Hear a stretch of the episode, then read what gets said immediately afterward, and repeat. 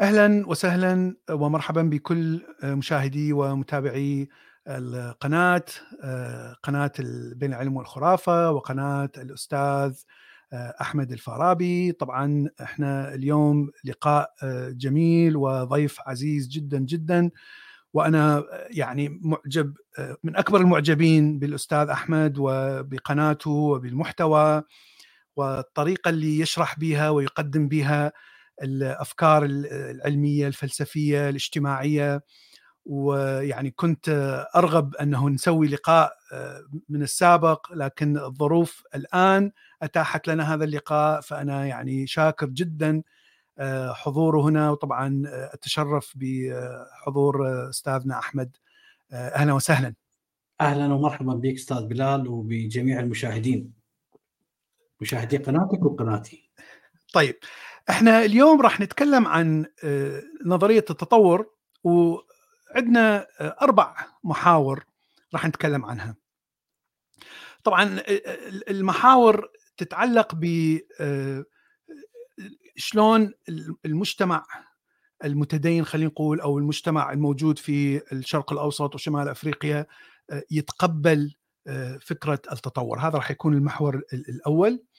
بعدين نتكلم شوية على التاريخ فكرة التطور من شلون بدأت من أين بدأت وشلون يعني التسلسل التاريخي إلى داروين وحتى إلى الآن.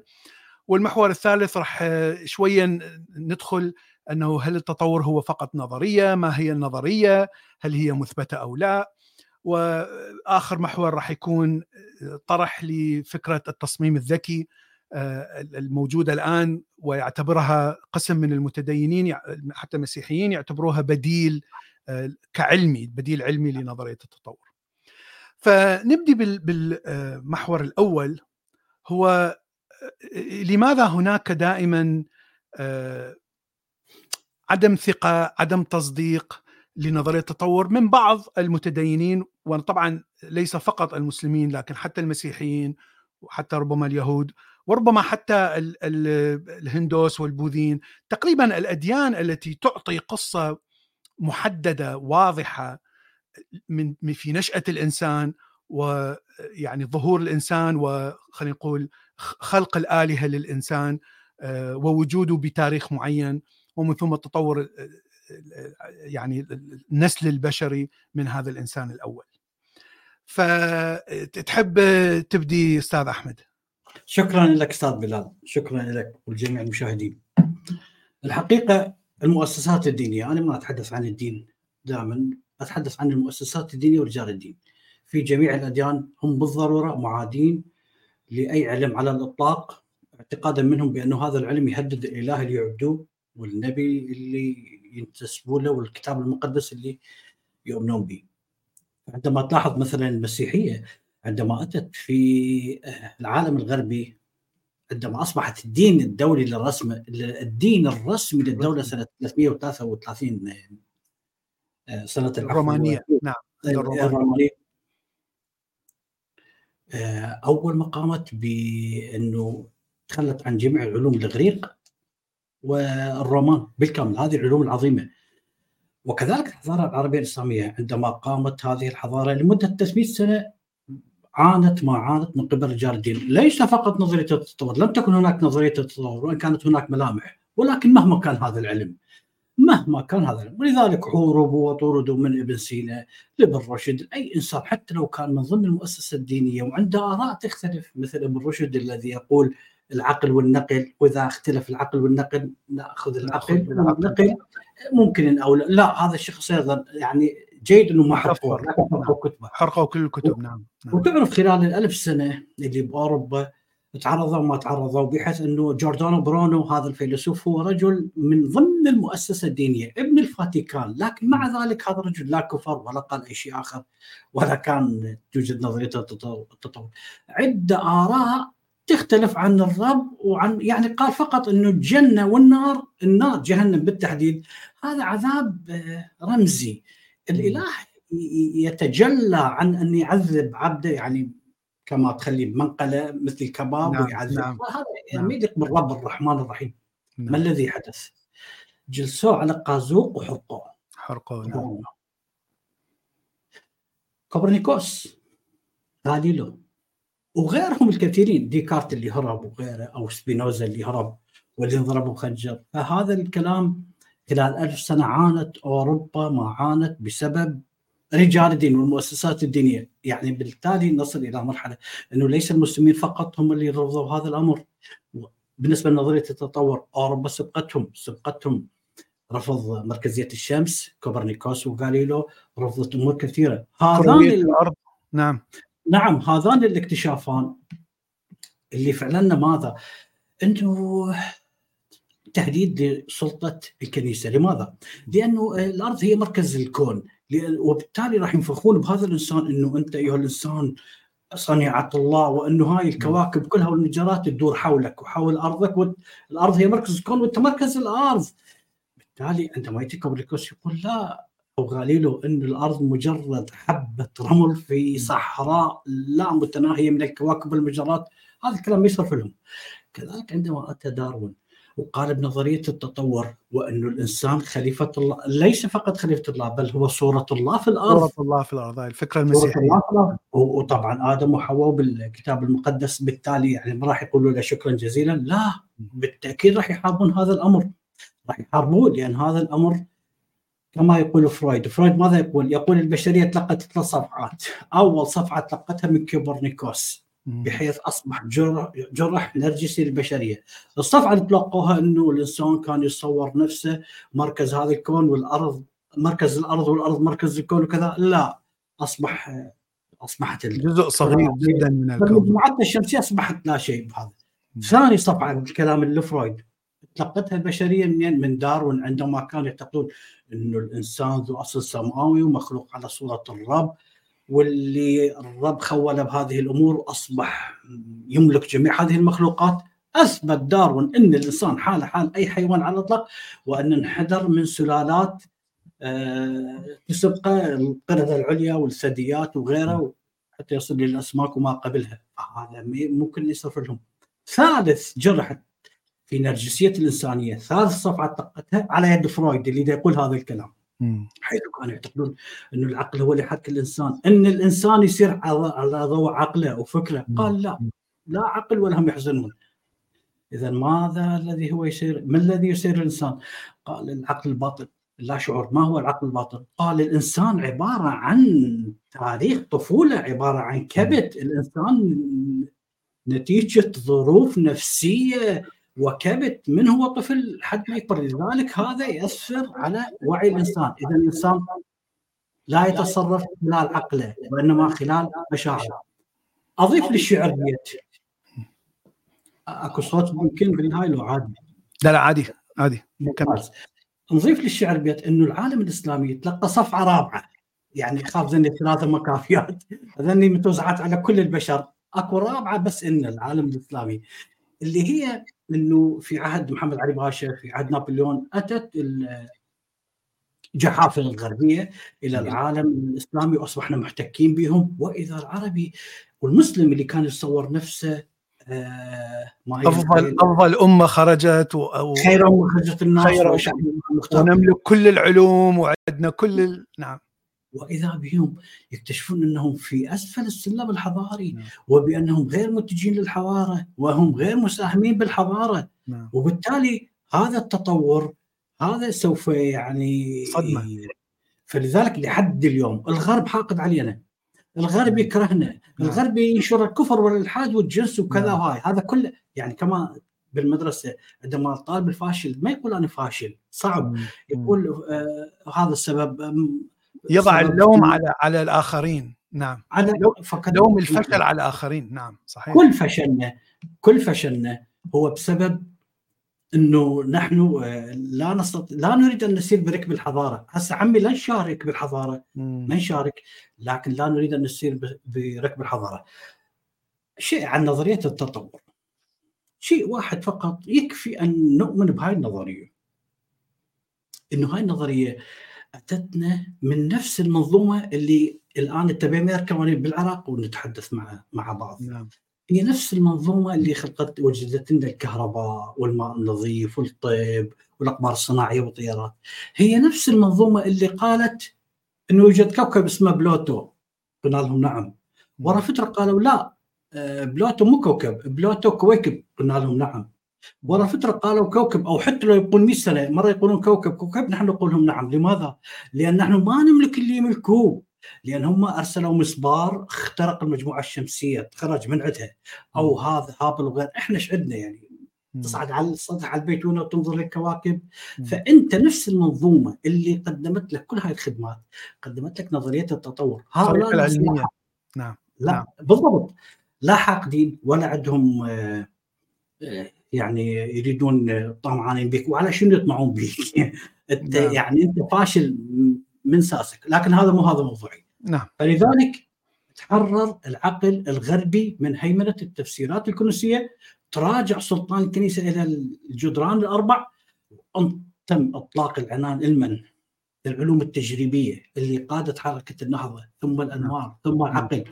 نعم. لكن للأسف الشديد في عالمنا العربي في عالمنا الإسلامي لا.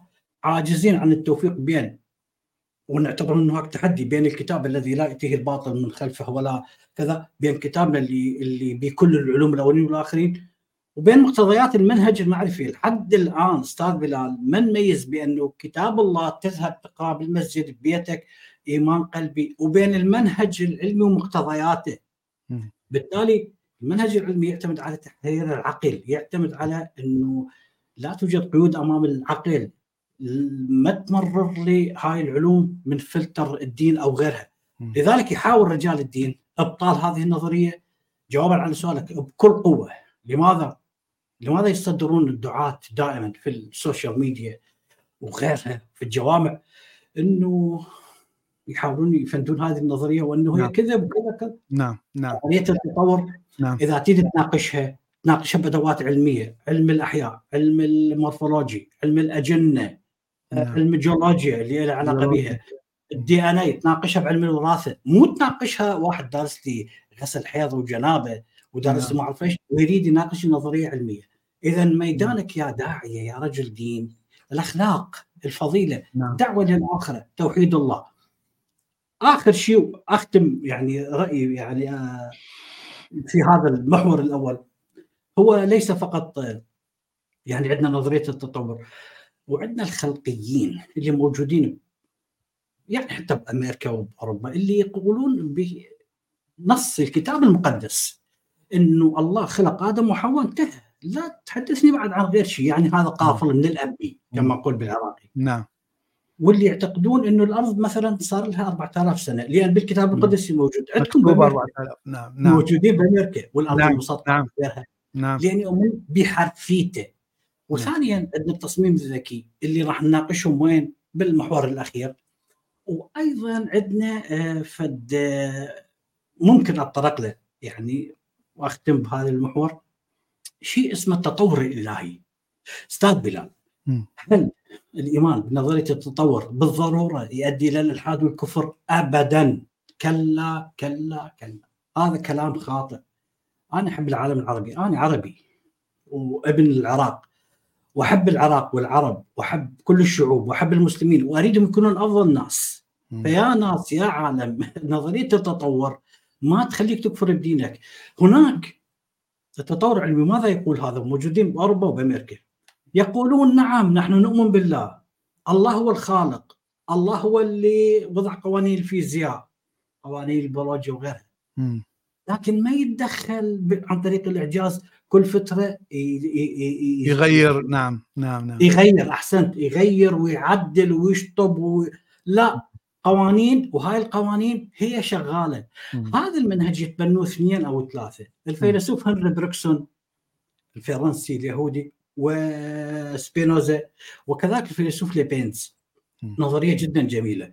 كما أن الله ما يتدخل بقوانين العالم قوانين نيوتن هي شغالة. وبالتالي أنت عندك علم وعندك إيمان بالله. أنا أشكرك أستاذ مهند. نعم نعم نعم نعم. شكرا شكرا عزيزنا طبعا مهند صديق عزيز جدا في على لساني دائما هسه يمكن خربان ضحك. أنا آه، طبعا شكرا أنا متفق طبعا مع كل اللي قلته. الشيء اللي دائما يطرح عن طريق الأفكار الروحانية ليس فقط نعم. الأديان الإبراهيمية هو المعرفة والمعرفة تقدم بشكل مطلق.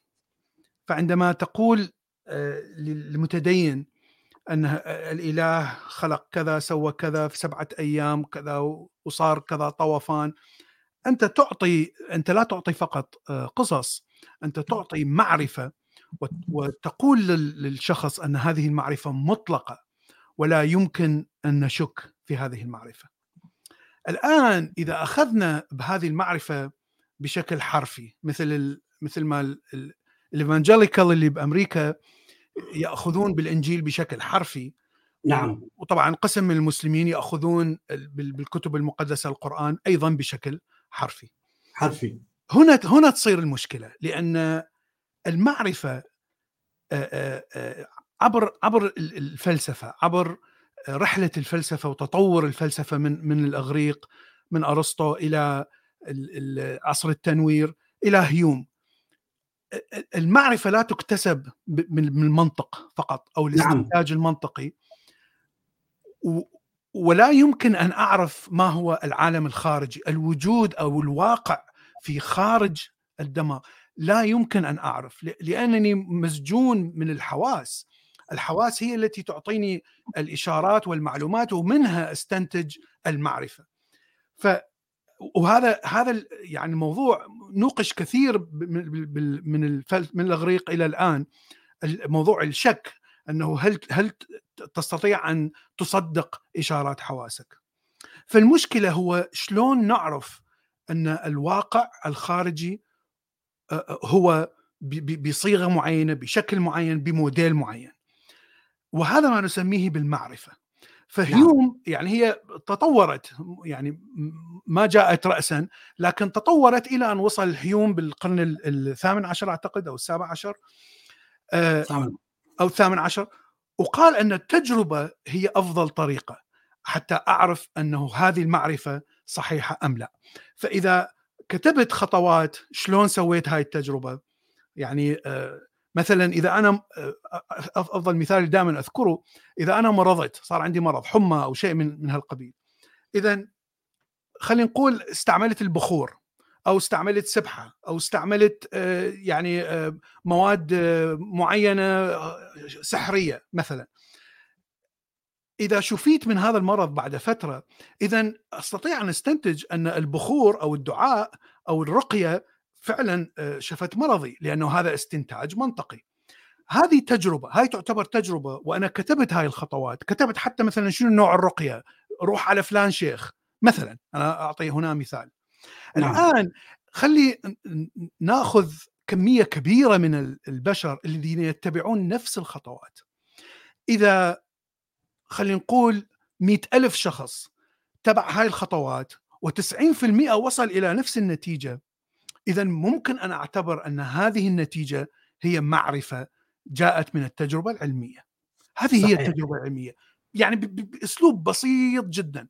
إذا 50% من هؤلاء وصلوا نفس التجربة إذا هذه ليست تجربة ليست آه، نتيجة صحيحة لأنه هناك متغيرات أخرى قد قد تدخل متغيرات أخرى ليس فقط هذه الرقية مثلا صح.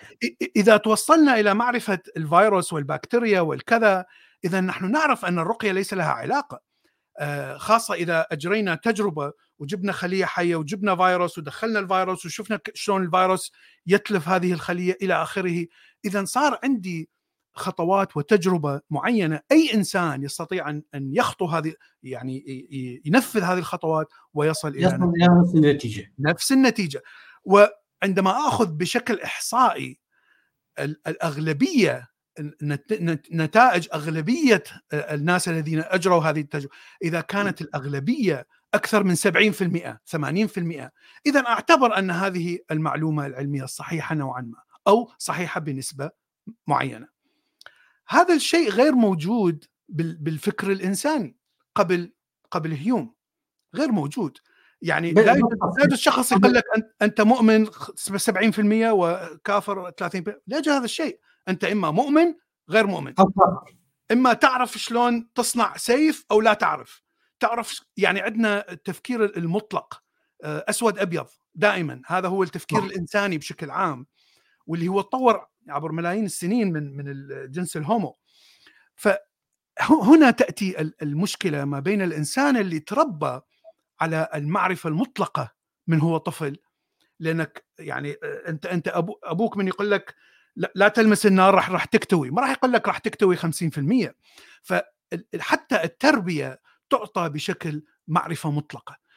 عندما تصل إلى مرحلة المراهقة تكتشف أن كثير من الأشياء التي قيلت إليك غير صحيحة معلومات غير صحيحة 100% لكن هذا هو الشيء هذا هو تركيبة المجتمع الإنساني.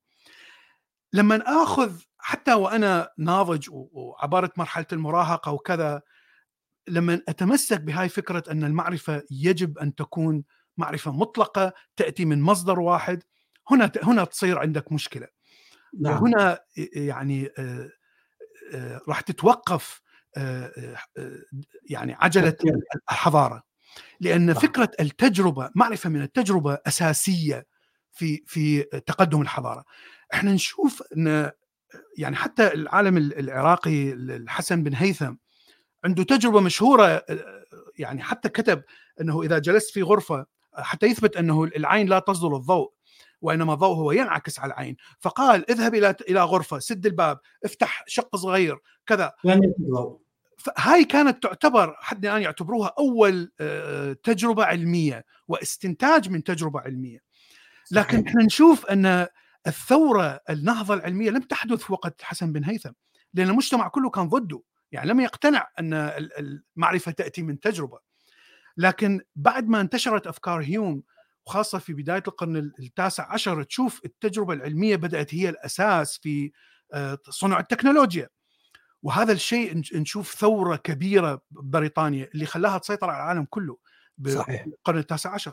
هو التجربة العلمية لأن كل ما تأخذ معرفة من التجربة العلمية كل ما تقترب يعني كل ما تأخذ صورة صحيحة أو أصح عن الواقع الخارجي. كل ما تسوي موديل قريب من الواقع الخارجي كل ما تستطيع أن تسيطر على الطبيعة.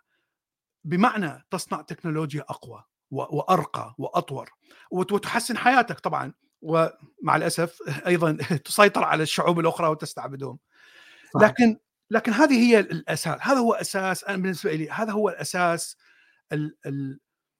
الفرق أو أو أو, أو الإنسان الذي لا يستطيع أن يفرق ما بين المعرفة المطلقة والمعرفة العلمية التجريبية. طبعا وجود المؤسسات الدينية هو شيء أساسي في الحرب اللي نشوفها الآن بأمريكا وبأوروبا بالشرق الأوسط في كل مكان ضد الافكار العلمية سواء كان التطور سواء كان تاريخ الأرض سواء كان الأرض المسطحة أو المكورة يعني هناك عدة أشياء أو عدة علوم اللي هي تحارب. لكن طبعا المؤسسة العلمية هي تلعب دور أساسي. الذي يبيعك أن العلم هو مطلق ويأتي من من هذا المصدر ومن ثم تكتشف أنه لا يأتي من هذا المصدر ليس كله مطلق فسيفقد مصداقية. وبالتالي راح يفقد التابعين وبالتالي طبعا راح يفقد الثراء والمال والجاه والسلطة. فشيء طبيعي أن خلينا نقول الجانب الديني السلطة الدينية المتعصبة آه، تحارب. المشكلة أنك تتكلم بأسلوب علمي. يعني الناس الذين يتكلمون ويحاربون التطور بهذه المجتمعات يتكلمون بأسلوب علمي ويدعون أنهم آه، ناس مجربين وعلماء وإلى آخره. وهذا موجودين طبعا بكل العالم ليس فقط بالعالم العربي. وهذه مشكلة لأن آه، هنا يأتي آه، تأتي أفكار العلم الزائف. لأن العلم الزائف هو فعليا أفكار غير مجربة غير مثبتة لكن طريقة الطرح هي طريقة علمية مصطلحات علمية. ويعني يحاول ان أن يأخذ بأشياء آه، بتجارب معينة ممكن أن تفسر آه، بطريقتين ويأخذ فقط طريقة واحدة. يعني هذا شيء يعني مستعمل بشكل كبير. الشيء الآخر واللي أعتقد هو مهم جدا لا توجد نظرية علمية مطلقة. نعم. العلم لا يعطي حقيقه حقائق لا يوجد حقيقة مطلقة. ممكن يعطيك حقيقة بنسبة كبيرة لكن لا يوجد حقيقة مطلقة لأننا لا يمكن أن نعرف. ممكن أن أن يعني نحسن التجارب حتى نصل إلى معرفة أفضل لكن راح نصل إلى معرفة أفضل لا يمكن أن نصل إلى 100% اذا هناك دائما ثغرات في النظريات العلمية. كل النظريات العلمية فيها ثغرات. آه، نظرية الكم لا تفسر الجاذبية. الجاذبية هي قوة أساسية في في الكون لكن نظرية الكم لا تفسرها. النسبية العامة لا تفسر ما يحدث في الثقب الأسود. مع أن الثقب الأسود يعني نتيجة تكونه تفسره النسبية العامة بتقعر الكون أو تقعر الزمان مكان آه، لكن لا تفسر ماذا يحدث في في ما يسمىها بنقطة السنجولاريتي نعم. اذا هناك ثغرات حتى في النظريتين التي أكثر نظريات ناجحة في العلم. نظرية التطور مثلها مثل كل النظريات العلمية فيها ثغرات. فافضل ثغرة أنا دائما أذكرها هو الجين المثلي لماذا التطور المثلية أثبتت بأنها تأتي من جينات. آه، لا يوجد نعم. جينات محددة لكن معروف أنه تأتي من جينات. لكن لماذا تطور هذا الجين بالأساس؟ ممكن أن يكون يعني انتشر لأن هناك ما يسمى بالبايسكشوال الإنسان الذي يميل إلى الجنسين جنس كذا وكذا لكن وهذا ممكن أن ينتج منه أطفال يكونون مثليين الجنس. لكن لماذا يوجد هنا هنا لماذا اولا لماذا ينشأ؟ لأنه يعمل عكس التطور. فشيء طبيعي المثلي لا يمكن أن ينجب آه، أطفال. فهذه ثغرة وهذا شيء عادي وطبيعي في كل النظريات العلمية. فإذا قلت أن التطور ممكن أن يكون صحيح بنسبة 90% 95% بالنسبة لي هذا كافي جدا أن يفسر كيف تظهر الأنواع. كيف يظهر الديناصور وينقرض؟ كيف يظهر القرود؟ كيف يظهر الإنسان؟ كيف يظهر هذه إحنا إحنا نرى مئات آلاف من الأنواع التي ظهرت في زمن معين وانتهت. فهذه النظرية هي الوحيدة التي تفسر بشكل بنجاح كبير هذا الشيء. الآن الذي الذي الذي يحارب التطور راح يذكر فقط هذه الاشياء الخطأ.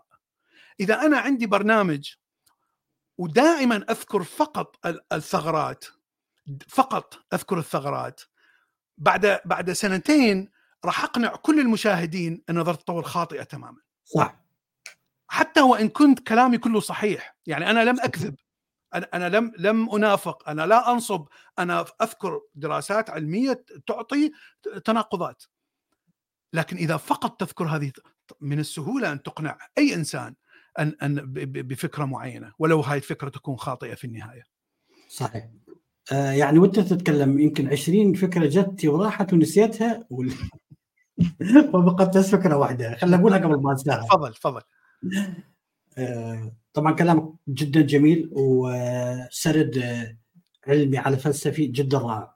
اللي أتذكر من هاي النقاط وأنت تتكلم اولا آه، كوبرنيكوس وغاليلو وحتى نيوتن من أتوا بنظرياتهم كانت هناك أمور تواجههم عقبات ما استطاعوا أن يحلوها، مثلا الشذوذ في كوكب عطارد بالنسبة لنيوتن.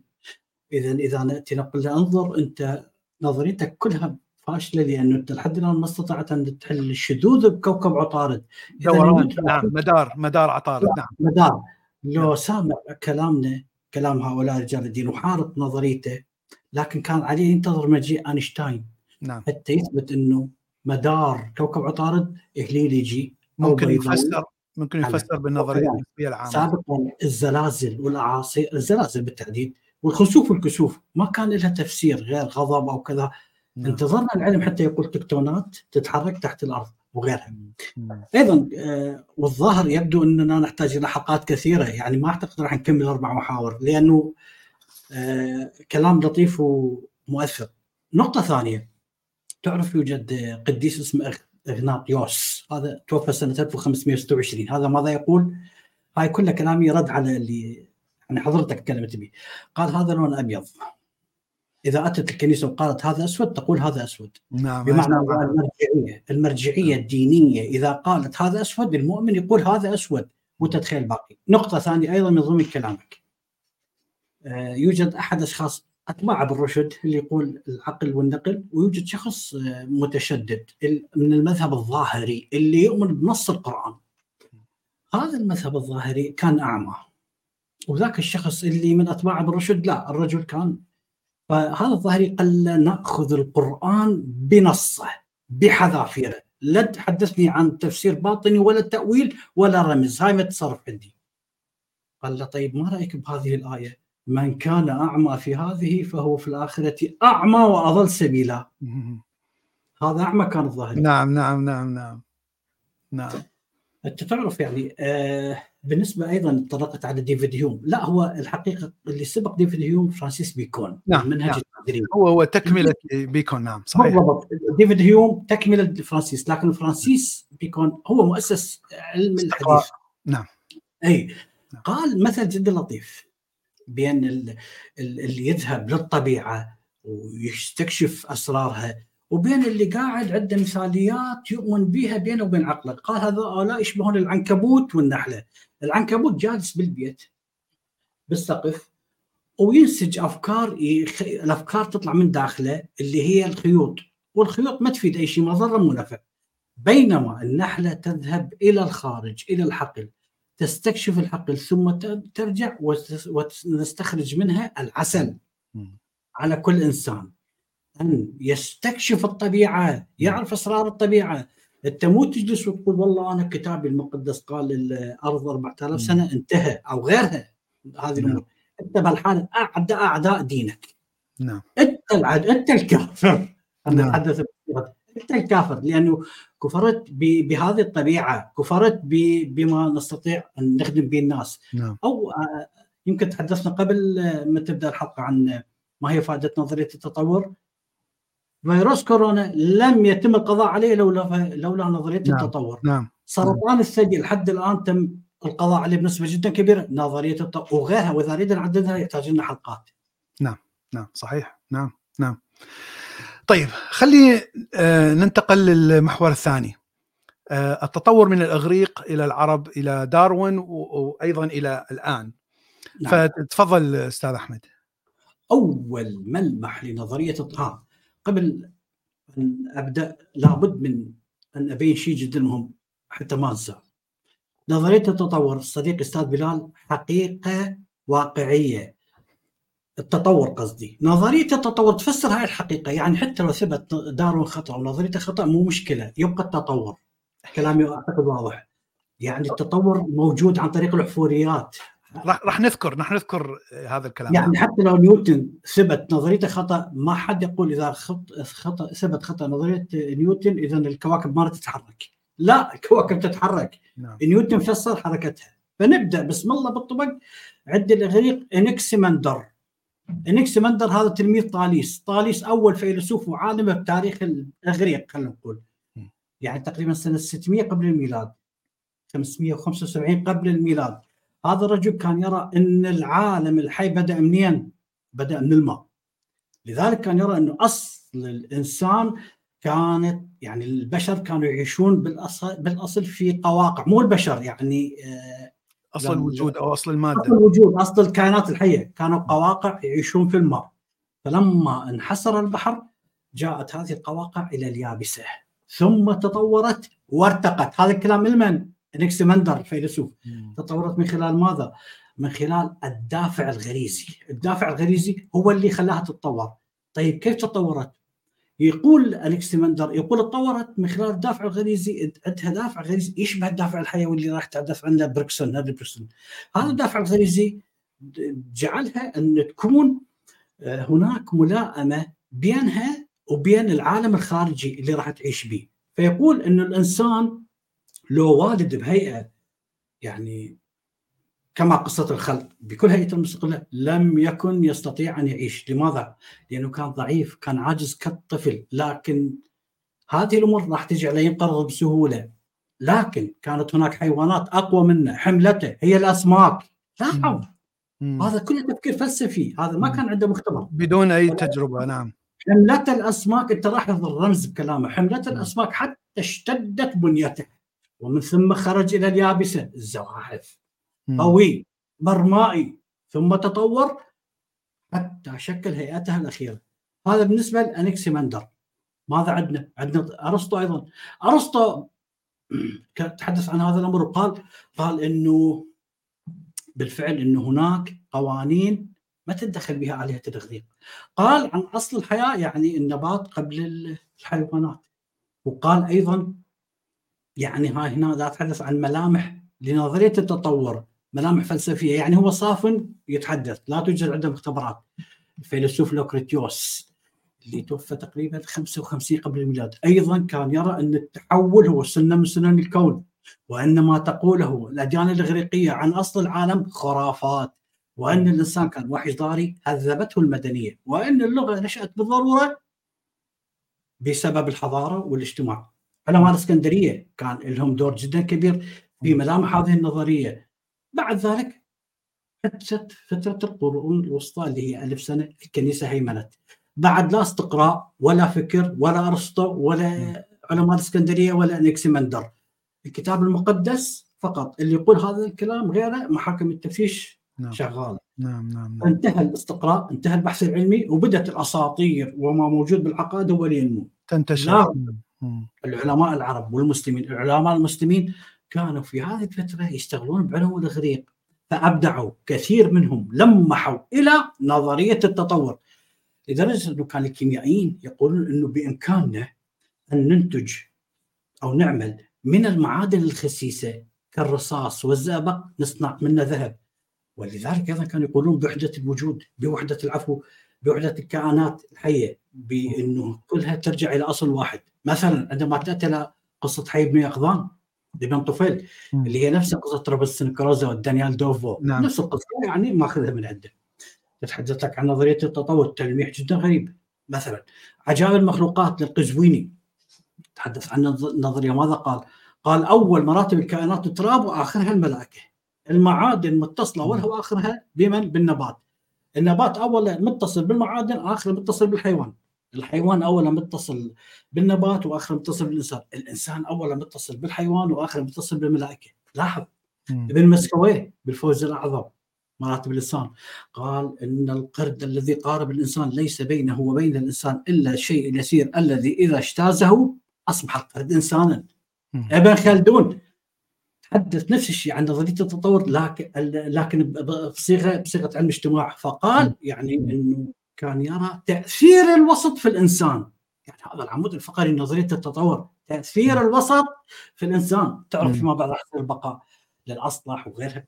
وعلل حتى سواد الزنوج. سواد قال ليس كما تقول العقائد إنهم ولد سام بن نوح. لا وإنما بسبب الحر. الحر الشديد هو اللي جعل وجوههم سود. لاحظ. ماذا اذكر لك بعد؟ إخوان الصفا الجاحظ أنا هنا أتأسف وهناك غصة بالقلب إنه بدل أن نفتخر ونقول يا يا عالم غربي إحنا أيضا مساهمين بالحضارة. تحدثنا عن نظرية التطور قبل داروين وهذا بدليل كذا. لا يكفرون بكل ذولا من أجل من أجل يعني خايفين على دينهم من أجل نظرية علمية. لك هذا شنو من دين؟ إذا أنت دينك خايف عليه من نظرية علمية أنت المفروض مليان قلبك مليان مليان إيمان. نعم نعم نعم نعم. بالعكس هسه هاي النظرية ممكن أنت تقول إنه عجائب قدرة الله عليه نعم نعم. وهناك هناك هناك شيوخ مسلمين يقولون التطور لا لا يتنافى مع مع العقيدة الإسلامية. كل يعني العلوم ما تتنافى. العلوم مجالها المختبر العقيدة مجالها القلب. ثم نأتي لحد الآن أستاذ بلال أنا تحدثت لك عن أفكار فلسفية. هذول لا عندهم مختبرات. نعم. ولا شرحوا تقريبا يعني لحد ما ولو ارسطو كان يشرح طبعا. لكن مع ذلك هم ما عندهم أحفوريات وكذا. نعم. الآن نأتي على أول ملمح علمي. الفرنسي جان باتيست لامارك. هذا الرجل العظيم أول عالم بالتاريخ الطبيعي كتب إنه تو يعني يتحدث عن أمر علمي توارث خصائص مكتسبة على المدى الطويل يؤدي إلى تغيير الأنواع. بمعنى أنه نظرية ترتكز على مبدأ أنه التغيير الجسدي يحدث بالكائنات الحية عن طريق مثلا الأعضاء اللي تستخدمها هاي راح تقوى والأعضاء اللي ما تستخدمها راح تضمر. مثلا طاري كوي الموجود أو حتى الدجاج اللي عندنا ما استخدم ريشة. فلذلك آه ضمر والحداد وكذا هاي فكان لامارك على سبيل المثال المثل اللي يضربه في عنق الزرافة. عنق الزرافة. الزرافة هو يقول بأنه آه، من أجل أن تصل إلى الأشجار لأن كان هناك الأعلى. تحدث هناك يعني خلينا نقول مجاعات وكذا. فتبدأ تمد برقبتها جيل بعد جيل بعد جيل حتى تصل لها مما أحدث تغيير في شكل جسم الفراشة أصبحت زرافة. نعم. طويلة. لذلك كان لامارك يعتقد إنه الحياة كافحت كثيرا مع مرور الوقت من أجل أن تتحول من كائن وحيد الخلية إلى كائنات أكثر تعقيد. مو فقط لامارك بوقتها كانوا معاصرين إلى علماء ألمان أيضا تحدثوا عن ملامح نظريه أو أو, أو ليست ملامح الآن أصبحت ملامح علمية لنظرية التطور فقالوا إن الحياة تطورت وفق قواعد محددة سلفا بنفس الطريقة اللي يتطور بها الجنين في بطن أمه لكن مع ذلك نظرية لامارك عليها انتقادات جدا كثيرة لكن بوقتها هي ساهمت في في في تطور العلم لكن أشاروا إلى أنه لا طبعا هم كلهم ما كانوا يعرفون علم الوراثة حتى داروين هاي المشكلة يعني نعم. تعرف جريغوري مندل هو بعث رسالة داروين لكن داروين ما فتح الرسالة بقت خاصه إيه داروين نعم نعم ما تعرف عليها نعم. ما تعرف كان هذا السر محير داروين إنه نعم. الوراثة وكذا نعم. فكان نعم. يعني النقد جان باتيست لامارك إنه يعني إذا حداد عضلاته قوية أبناء راح يولدون عضلاتهم قوية هذا ما يصير. أو مثل رعاة البقر بأمريكا أبنائهم راح يصيرون رعاة بقر. نعم نعم نعم. لا لا رجالهم مقوسه لأن 24 ساعة صار آه يعني ترى نعم. فهنا آه رغم خطأ هاي النظرية لكن وجهت العلم بمسار حقيقي. نأتي إلى داروين. لاحظ بالبداية نظرية فلسفية. ثم طبعا قبل مارك بافون وقبل آه هذا السويدي شو اسمه أبو التصنيف اللي بدأ يصنف الكائنات الحية نبات وحيوان مندل. لا لا لا لا لا. آه سويد هذول ما يعني أطلق لهم لأنه البحث نعم. حتى ما نعم. وكما معروف أنه النظرية اللي طرحها دارون قبل أكثر من 160 سنة تظل هي أفضل تفسير لنشوء لتطور نعم. الأنواع. نعم. على الكرة الأرضية على الإطلاق. وبالطبع النظرية نظرية التطور تطورت أيضا حال حال أي شيء في هذا العالم صارت آه، أكثر تعقيد لكن أساسها ما تغير. كثير من الأمور حدث بها تغييرات. اذا تظل هي ولحد اليوم أفضل تفسير لفكرة الانتواع أو الأنواع الموجودة بالأرض. وبالتالي صعب جدا أن تفند هذه النظرية. لذلك كما ذكرنا إنه داروين هو وأيضا زميله من؟ والاس والاس والاس أو والاس أنا بالإنجليزي يعني الأسماء ألفظها مثل ما احب والاس كان بأندونيسيا. وهناك يب... بس... هذا بإنجلترا وذاك بأندونيسيا وكلا عن أنفراد توصلوا إلى اللي راح يسميه داروين الانتقاء الطبيعي. لاحظوا نعم. كلاهما. طبعا داروين خلال رحلته سفينة البيجل وخلال مجيئه وبقت 23 سنة ما يرفض أن ينشرها نظريته لأنه هناك عدة أسباب. مؤرخين يقولون ما يريد يعني يجرح مشاعر الناس الدينية، هناك من يقول يريد يبحث عن مزيد من الأدلة. وهناك بكل الأحوال إجت رسالة من ولاص. ولاص يقول له يا دارون أنا اكتشفت هذا. دارون مسكين امام مشكلة. يعني هو صار له أكثر من 40 سنة يلطم مع وتوصل الحقائق وإذا بلحظة واحدة ويرفض ينشرها. أصدقاء الاثنين مؤسس علم النبات ومؤسس علم الجيولوجيا تشارلز ليل والاخ هوجر جوزيف هوجر يا معود ينشر نظرية. ينشر النظرية؟ لا. فمن أتت هاي الرسالة قلنا هسه شو أسوي؟ ماذا أفعل الآن؟ فقالوا عندنا حل. ناخذ رسالته ونظريتك ونعرضها على المجلس. ف عرضوها على المجلس ومن ذاك الوقت البشرية هي غير اليوم. فلذلك حسب نظرية التطور انتقال طبيعي كلهم لاحظ إذا كان لدى الحيوان ما خصائص معينة تساعده على التأقلم في البيئة اللي هي بي بحيث تساعده مثلا على التكاثر إيجاد زوجة وكذلك الهروب من الأعداء وعنده ميزة مثل تساعده على الحصول على الغذاء. هذه السمات سوف تصبح أكثر شيوعا. أين؟ في الأجيال اللاحقة. فيزداد احتمال مواصلة الحياة والتكاثر وتوريث الجينات عند الأفراد للأجيال السابقة. طبعا لا أحد ينكر إنه بعض الأشياء لم ينجح داروين في فهمها. لماذا؟ لأنه العلم لم يكن واصل إلى المرحلة كما وصل إليها اليوم، كما ذكرت لك مثل علم الوراثة، ولكن مع كل ذلك كل ما قدمت البشريه تزداد تأييد لهذه النظرية نعم. العظيمة. نعم. رغم مرور 160 سنة أو أكثر. على هذه النظرية لا زال المجامع المجامع العلمية المحترمة في كل المجالات الجينات الأحافير المورفولوجي الأجنة كلها العفوريات.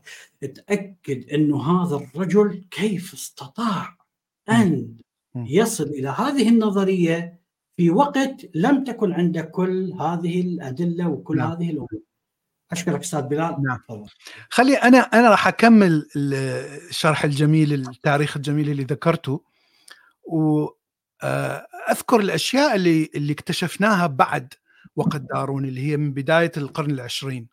نعم. كما ذكرت ميكانيكية التطور هي الصفة اللي تفيد بأنه تعيش أكثر هذه صفة تورث. والصفة التي لا تفيد ستنقرض. نعم. ميكانيكية بسيطة جدا جدا. ما هو الشيء الذي يسيطر على هذه الصفات؟ الظروف. ولهذا سماها بالانتخاب الطبيعي لأن الظروف الطبيعية هي التي تسيطر وتحدد آه، أي صفة آه، تتغير. ليش هناك تطور أصلا؟ لأن الأرض في تغير مستمر. عندك حركة القارات عندك الأرض تدور حول الشمس عندك الاربع فصول عندك محور الأرض مائل عندك تحرك محور الأرض تقريبا كل سبعين ألف سنة في كثير من الأشياء آه، تتغير من جيولوجية الأرض تغير من المناخ وتغير من التضاريس وهذا يسبب تغير في الظروف. ولهذا الظروف دائما في تغير مستمر. الفكرة البسيطة أن الشخص اللي يعيش مثلا في منطقة ما بها شمس بالسويد هذا نعم. الشخص إذا كان أسود البشرة راح تشوف بعد بعد آلاف الأجيال آه، الأبناء راح يصيرون بيض. لسبب أن صبغة الميلان الميلانين راح آه، تمنع أشعة الشمس. بس لكنك تحتاج إلى أشعة لأن ماكو شمس أصلا. فتحتاج إلى شمس حتى تسوي فيتامين دي. فيتامين دي مهم جدا بعمليات الحيوية بالجسم. اذا الشخص الذي آه، يكون عنده أقل صفة الميلانين راح راح يكون يتورث أكثر بشكل أسرع. طبعا إحنا نتكلم آلاف الأجيال. خذ شخص من السويد حطه بأفريقيا. نفس الشيء راح يحصل لكن بالعكس. الشخص الأبيض اللي أشعة الشمس تولد هاي سرطان الجلد بسرعة راح يموت. أما الشخص اللي يكون صبغة الميلانين بشكل بطيء جدا على آلاف الأجيال راح راح يبقى ويورث. فاذا هذا الشخص بعد آلاف الأجيال راح راح يصيرون سود. سبب طبيعي لأنه حتى نعم. يحمي الجلد هذه هي الفكرة فكرة بسيطة جدا. المشكلة أنه لم نعرف كيف تحدث هذا التغيير كيف يحدث هذا؟ لأنه مثل ما قلت آه، لمارك قال أن إذا إذا اكتشفت صفة أو سويت صفة معينة وتعلمت حرفة هذه راح تورث وهذا خطأ. آه، إذا أنت تعلمت سياقه السياره طفلك ما راح يتعلم سياقه السياره جاهز من من الجينات. اذا كيف كيف تورث هذا الشيء من الجينات؟ فقط نقطة حتى نعم. خليك تكمل وأنا نسيتها. لامارك وحتى دارون ما كانوا يعرفون انه هناك فرق بين الخلايا الجنسية والخلايا الجسمية. الخلايا نعم. الجسمية لا تورث لا تورث. اللي يورث من؟ فقط الخلايا الجنسية. نعم نعم. هذه طبعا نقطة مهمة. إحنا اكتشفنا هذا الكلام اكتشفنا الخلايا يعني حتى اكتشفنا ما هو الكروموسوم. من العشرينات القرن الماضي. عفوا.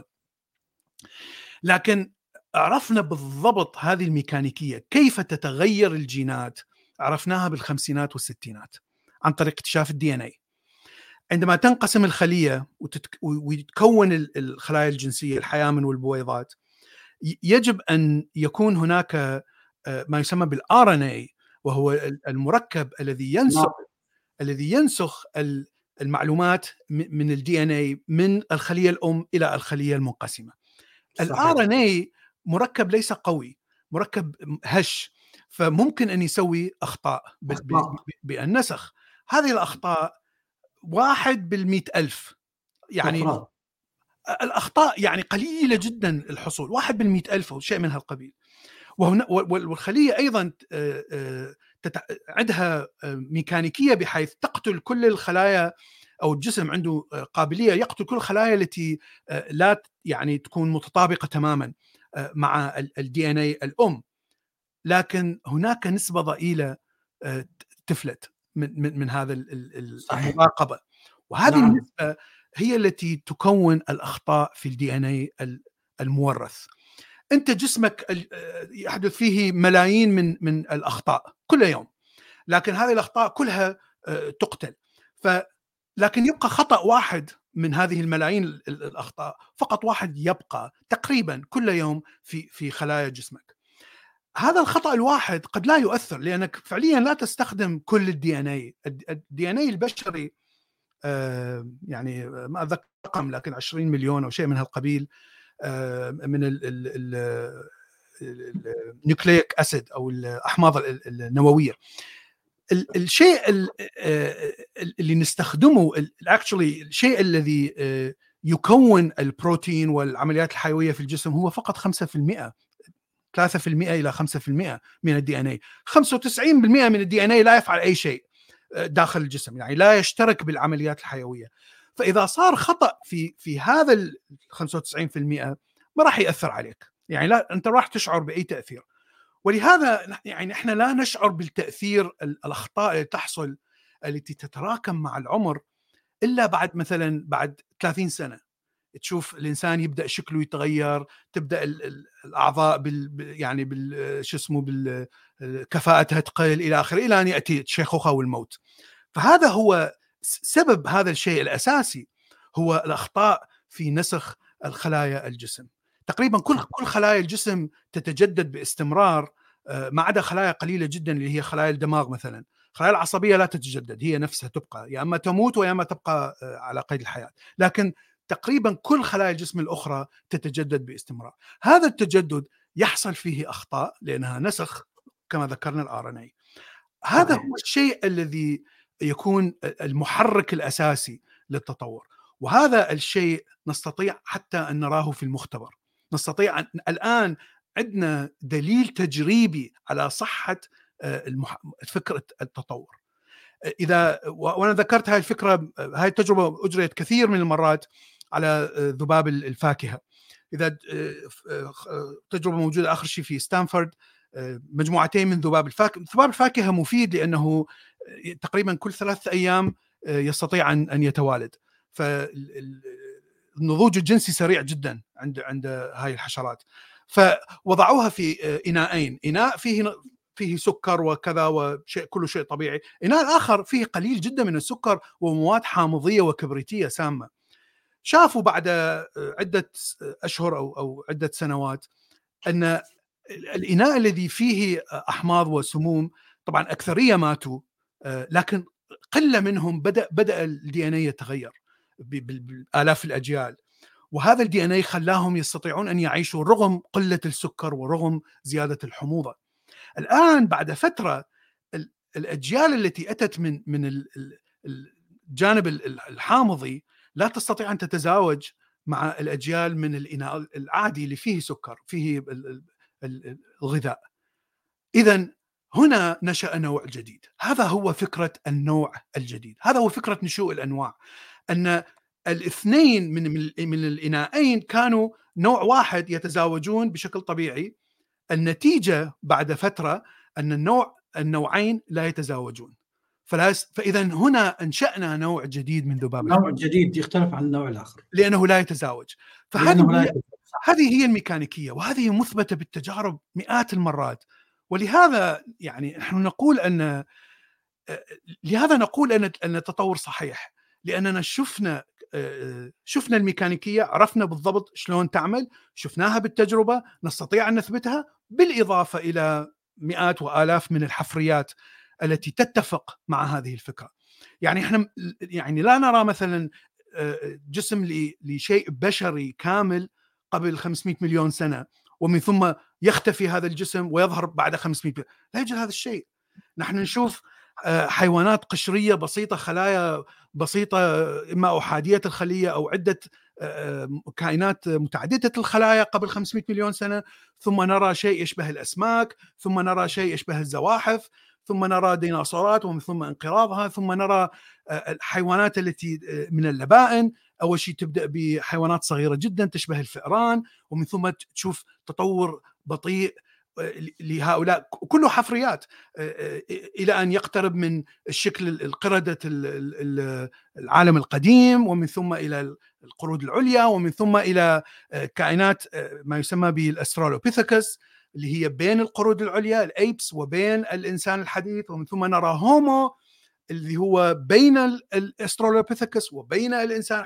يعني حتى لا يوجد حتى حلقة مفقودة بحيث الحجة الحجة اللي كانت دائما موجودة إنه حلقة مفقودة حلقة مفقودة. هذا الكلام انتهى انتهى يعني من منتصف القرن العشرين كل الحلقات المفقوده تقريبا وجدت من من السبعينات خلينا نقول لأنه من السبعينات صارت ثورة بالاركيولوجي من اكتشاف لوسي واكتشاف الإنسان الحديث و يعني حتى الحفريات مثلا من المغرب الانسان الحديث اللي هو ليس 100% مثل الإنسان هناك هناك شوية اختلاف بالجمجمة نعم. لكنه قريب جدا وتاريخه 300 ألف سنة فهذا كان اكتشاف جديد ويعني غير التفكير لأنه إحنا كان أقدم إنسان هو تقريبا 120 ألف سنة من منطقة أثيوبيا وكينيا ف فيعني لا يوجد داعي أن أقول أن التطور خطأ أو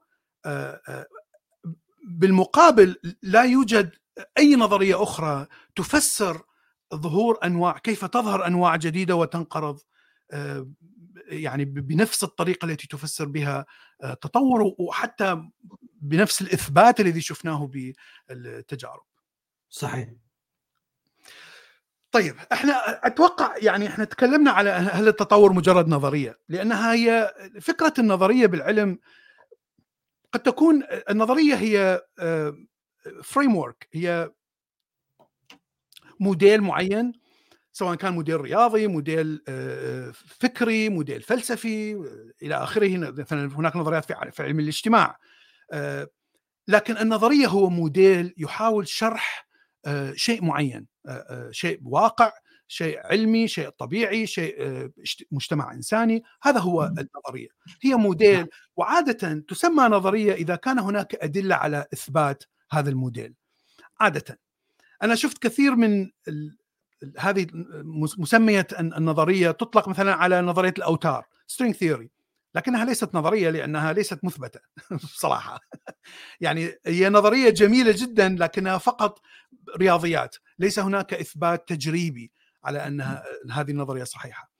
إذا لا أستطيع أن أقول أن كل نظرية بالعلم هي هي فعلا نظرية مثبتة لكن يوجد نوعا ما إثباتات. يعني أنا أعتقد بعد منتصف القرن العشرين يعني كان هناك مئات من الإثباتات. لا يوجد داعي أن أقول أنه هي فقط نظرية غير غير مثبتة مثلا. يعني هي تفضل. المشكلة ما أعرف هي ربما لغوية بلغتنا العربية من تم ترجمة النظريه إيه نعم نعم. إحنا عندنا برهان وحقيقة ونظرية. نعم نعم. بس بشكل هاي الفكرة بالرياضيات موجودة. النظرية بالرياضيات هي هي افتراضية إلى أن تثبت. وإذا أثبتها تصبح برهان أو تصبح حقيقة. صح. نعم. عندنا بواقعنا العربي وبلغتنا هناك نظريتين. نظرية بالخطاب العامي. عندما نجلس في القهوة وأقول لك والله أنا نظريتي هناك بوتين سينتصر على أمريكا وهكذا. كلام هراء يسموه نظرية بالخطاب العامي. لا النظريه بالخطاب العلمي. تختلف عن الخطاب العامي لأن لها شروطها مثلا النظرية العلمية يجب أن تفسر حقيقة علمية موجودة مسبقا. نعم. يجب أن تدل عليها كثير من الأدلة. يجب أن تكون هناك أدلة. نعم. يجب أن تخضع هذه الأدلة لتجارب علمية في أماكن وأزمنة وعلى أيدي علماء مختلفين وبكل وقت حتى ترتقي إلى الحقيقة العلمية أو النظرية العلمية. نعم. اذا النظرية العلمية هي آه بالشكل العلمي تختلف عن الخطاب. هنا المشكلة. فلذلك عندما قلت إنها مجرد نظرية. نعم. النسبيه أيضا نظرية ما أستطيع أن أقول عنها مجرد نظرية لأن نظرية نيوتن نظريات بالجاذبيه أيضا نظرية حتى صعدنا للقمر على أسس نظرية على نيوتن نعم على نيوتن نعم. عن اي نظريه تتحدث؟ نعم. اقليدس عنده نظرية 80 مبرهنة تبرهنها تبرهنها ولحد اليوم اسمها نظرية نعم. فعندما تأتي إلى الفيلسوف كارل بوبر فيلسوف فلسفة العلوم يقول العلوم. نعم. المعيار الوحيد والأوحد لاعتبار نظرية ما نظرية علمية هو قابليتها للتكذيب والتفنيد، يجب على النظرية العلمية أن أستطيع أن أكذبها، نعم. يجب نعم. هاي النظرية أتحقق من إنه ممكن تكون خطأ وممكن تكون باطل، أضرب لك مثل على سبيل المثال. يعني مثلا النظرية النسبية اينشتاين قال إنه آه، الضوء يأتي من المجرات البعيدة بطريق بطرق منحني، هسه منحني ما نعرف ليش، يا إما الكواكب تجتذبه يا إما بسبب آخر نسيته. جاذبية آه، المجرات. نعم. اي نعم نعم نعم.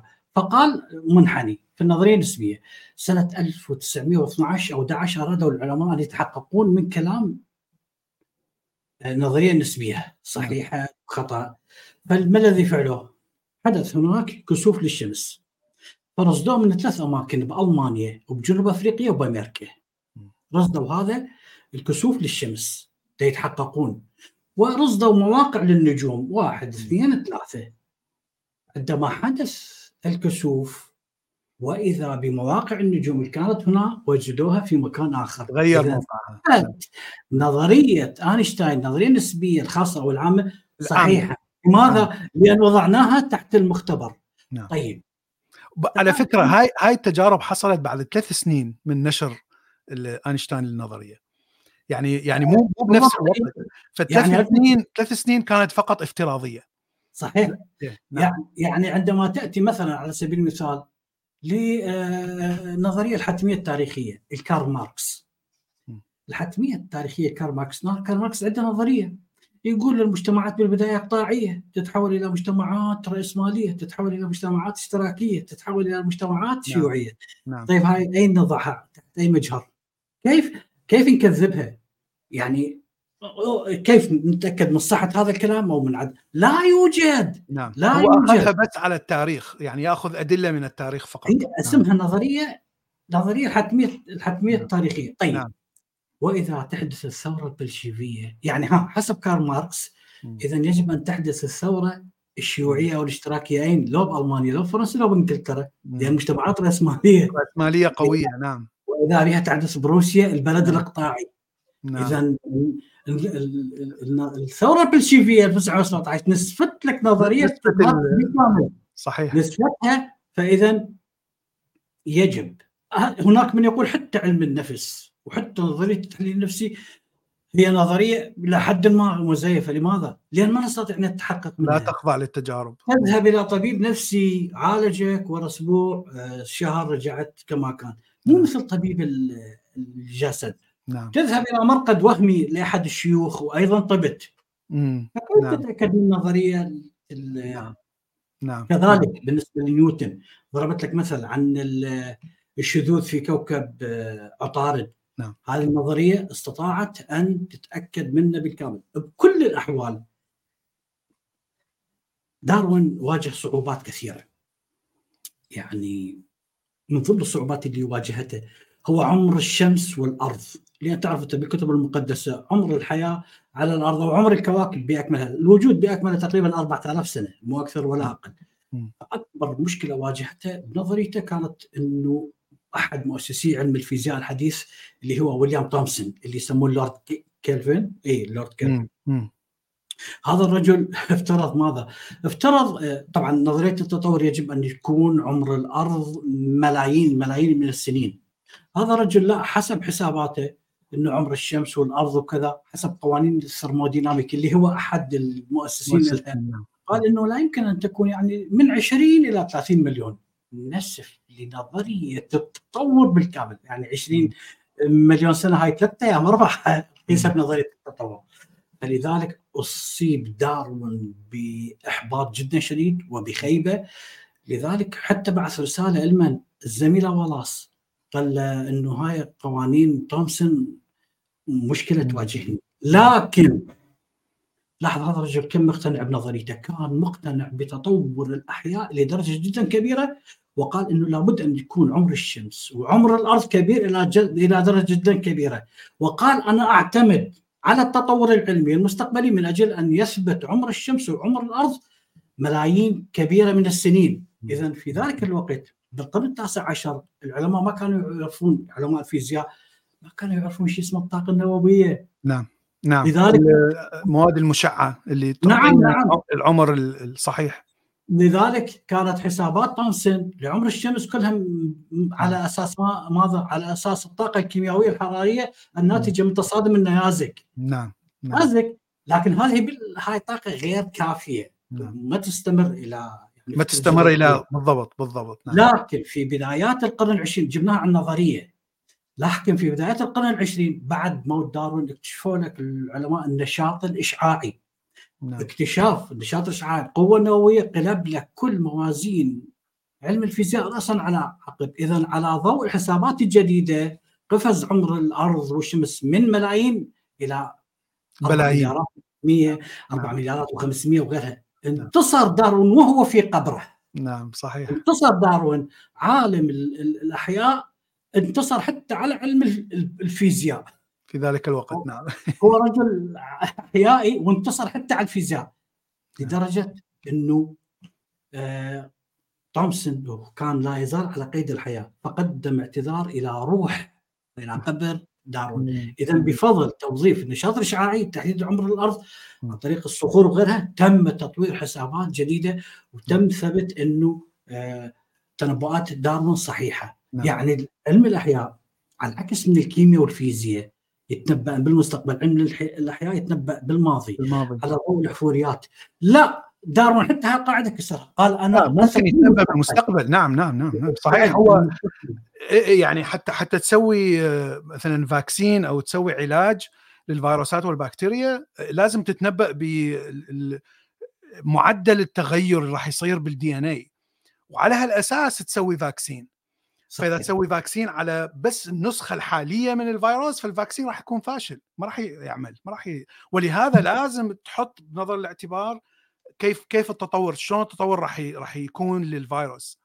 ولهذا التطور مهم جدا كفكرة آه، علمية. والفكرة إنه إذا عندك نظرية تتنبأ بشيء معين وإذا هذا التنبؤ أثبت صحته فاذا هذه تعتبر آه، نظرية صحيحة كما ذكرت نعم نعم نعم يعني هو مثل ما ما عندي إضافة بس هو آه عندما تقول نظرية ما العالم يصفق لك منتهى تبقى مجال اختبار نعم. إلى الأبد نعم. ولذلك نظرية التطور صمدت تسندها علم الجيولوجيا يسندها علم الكيمياء البيولوجية يسندها دي إن اي والوراثة يسندوها الأجنة تسندها كل العلوم تسندها على طاق أما بقوا هذول اللي جماعة التصميم الذكي وغيرهم نعم. واللي آه، جماعتنا متأثرين بهم ويصوروهم علماء أصلا المجمع العلمي ما يعترف بهم ما يعترف بهم ما يعترف بهم وهم منبوذين حتى من المجتمع العلمي وجماعتنا فقط فيديوهاتهم مثل مايكل بيهي ودمبسكي وغيره تعرف هؤلاء نعم. اللي املوا الدنيا زعيق وكذا ذولا نعم. أصلا حتى يعني نعم. يعني إذا تروح إذا إذا تروح على هاي البحوث اللي قدموها تشوف موقع لشخص محامي موقع لشخص مهندس. يعني حتى مو موقع جامعة. لأنه صح. لأنه ماكو جامعة يعني تنشر هاي البحوث. لأن البحوث زائفة ما لها علاقة بالتجربة العلمية. ابدا. كما ذكرت هناك بحوث هناك بحوث قد تعطي تناقضات وهذه بحوث موجودة مثلا في جامعات. لكن كما ذكرنا كل نظرية علمية بها تناقضات. التصميم الذكي ولو إلى هو هذا موضوعنا الطبي حتى نختم. التصميم الذكي فقط يعتمد على تفنيد نظرية التطور. يعني ما يقوله ما تقول ينتظر نظرية التطور تقول كذا وكذا حتى يقول لا هاي خطأ هاي هناك مصمم ذكي هاي خطأ هناك نعم مصمم نعم, نعم نعم. يبحث عن الأخطاء والهفوات نعم. لكن هو ما عنده نظرية ما عنده نعم. نظرية مستقلة. نعم. نعم هي فكرة المصمم الذكي آه، أعتقد إجت من إنجلترا ببدايه القرن العشرين. ما أتذكر كان قس؟ لا لا آه أنت تقصد هنا ويليام بالي ويليام بالي اللي توفى سنة 1805 يعني okay. ويليام بيلي توفى سنة 1800 أو العفو 1829 أو 1805 اي 1805 يعني قبل ولادة داروين بأربع سنوات. لا لحظة لكن كمل ويليام بالي كمل. ويليام بالي لكن قبل ويليام بالي لا. التصميم الذكي له تاريخ جدا طويل. آه لا لا لا, لا أنا ما أقصد هذا لا لا بس بس أقصد التصميم الذكي اللي كحجة ضد التطور. نعم نعم هو هو هو هذا هو هذا اللي قصده. نعم. التصميم الذكي حجة ضد التطور. قديم جدا. يعني عندما تأتي بدايته ممكن نقول القديس اوغسطين نعم نعم. القديس اوغسطين اللي بالقرن الخامس تقريبا الميلادي عبر عن هذه الفكرة عندما قال أن نظام وترتيب وجمال وتغيير حركة العالم وجميع الموجودات المرئية تعلن في صمت إنها لا يمكن أن تكون إلا من الله. إلى ط- مصمم مصمم نعم. مصمم. القرن الثالث عشر. anthropic anthropic principle نعم. اي توما الاكويني ماذا قال؟ اعتبر التصميم الذكي أحد الأدلة يمكن الدليل الخامس اعتبره طريق خامس مم. للإيمان. نعم. ثم نأتي إلى رأس المصائب. هذا ويليام بيلي. هذا الرجل تحدثت عنه بحلقات جدا كثيرة. مم. هذا رجل لاهوت. أعتقد إن لم أكن مخطئ توفى 1805 قبل داروين بأربع سنوات بالقرن الثامن عشر هذا تقريبا آه، ما ما الذي قال؟ هذا عالم لاهوت إنجليزي قال إذا أنت تسير في صحراء أو أي مكان في طريق ووجدت ساعة هل سوف. تقول هذه الساعة صدفة هي انخلقت من وحدها؟ نعم. ما. لا سوف تقول نعم. إنه هذه الساعة لابد من ساعات خلقها صناعه العفو. صممها صممها نعم. وأيضا كل اجزائها موجودة دفعة واحدة. لذلك آه، اللي قال إنه علامات التصميم قوية بحيث لا يسعنا التغاضي عنها. اذا لابد من التصميم من نعم. وجود مصمم. نعم نعم. لذلك من الأمثلة اللي استخدمها ويليام بالي استخدم العين البشرية. نعم نعم. بالفعل هاي العين أيضا حيرت داروين. صحيح. ممكن يجيبها مثلا صحيح. العين هو يعني عندما تأتي جماعة التصميم الذكي أكثر شيء عندهم يعني ممكن الحجة الكبرى اللي يستخدموها يسموها آه الاختزال. يسموها التصميم غير القابل للاختزال. فيضربون مثل عن من؟ يضربون مثل عن العين. كيف؟ العين البشرية التعقيد غير قابل للاختزال بمعنى إنه هي ليس القصد العين معقدة. بل إن العين تحتوي على أشياء كثيرة جدا من الصعب أن تتطور حسب الانتخاب الطبيعي. عدسه نعم نعم. سطح حساس للضوء بؤبؤ أزاحية وغيره. مم. هذا البؤبؤ اللي يتحكم بالضوء. طيب إذا أزلنا مكون واحد منها بأكملها سوف تنتهي. ما راح طيب كيف؟ نعم. إذا اللغز هنا يكمن إنه الكيفية التي تطورت بهذه نعم. الأجزاء. نعم. نعم. نعم. نعم كل واحد من عندها على انفراد مستحيل. يجب أن تكون دفعة واحدة. إذا إذا هناك نعم. مصمم. نعم. إذا هناك مشكلة. وبوقتها السجل الاحفوري داون كان غير مكتمل. طبعا راح يجي منه بعدين مايكل ميهي. الآن موجود عندك عايش يمك. آه، صاحب كتاب آه، حقيب آه، حقيبه دارون الأسود أو صندوق دارون الأسود اللي راح يضرب مثل عن المصيده مال فئران قال على بساطتها بها خمس ست أجزاء يجب أن تكون دفعة واحدة. أي جزء؟ يختل غير. موجود أو يختل نعم. داروين صارت عنده مشكلة مال العين. لماذا؟ لأن السجل الاحفوري ما كان آه، ما كان مكتمل. فاللي حدث إنه كانوا يقدون على إنه لابد من تدخل إلهي. هذا التدخل آه، بدون العين ما تكتمل. يا إما دفعة واحدة أو كذا. لكن فقط قبل أن أتحدث لك عن العين وكذا يوجد عالم لاهوت يعجبني اسمه هنري دراموند كندي على أمريكي والرجل دين. قال لا هذا خطأ التصميم الذكي خطأ. لماذا خطأ؟ قال هؤلاء الناس البسطاء اللي يقعون فريسة لفكرة التدخل الإلهي التصميم الذكي مع هؤلاء ينسون إنه هذا يستبعد بالتبعية التدخل الإلهي في بقية العملية. لأن أنت تخلي الله يتدخل فقط بأمور محدودة. مرحلة معينة. مم. أحسنت. معجزات هنا وهنا. لكن أنت تستبعد الله عن الوجود بأكمله. فيكمل. يقول إن التدخل المتقطع يعني انه هناك غياب متقطع. وإذا كان الإله يتجلى في أوقات الأزمات هذا يعني غياب الإله في أو في كل الأوقات. يقول في فاي الرايين هو الأفضل؟ الإله دائم الوجود أم ذلك الذي يظهر من وقت إلى آخر؟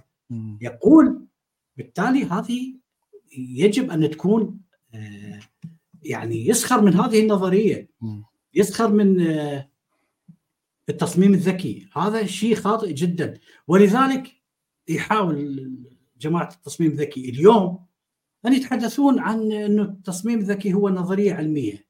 لكن إنت وأنا كما نعرف إنه التصميم العلمي يتطلب عدة أمور. انه العلم يركز على العالم الطبيعي هم يركزون على عالم الغيبيات.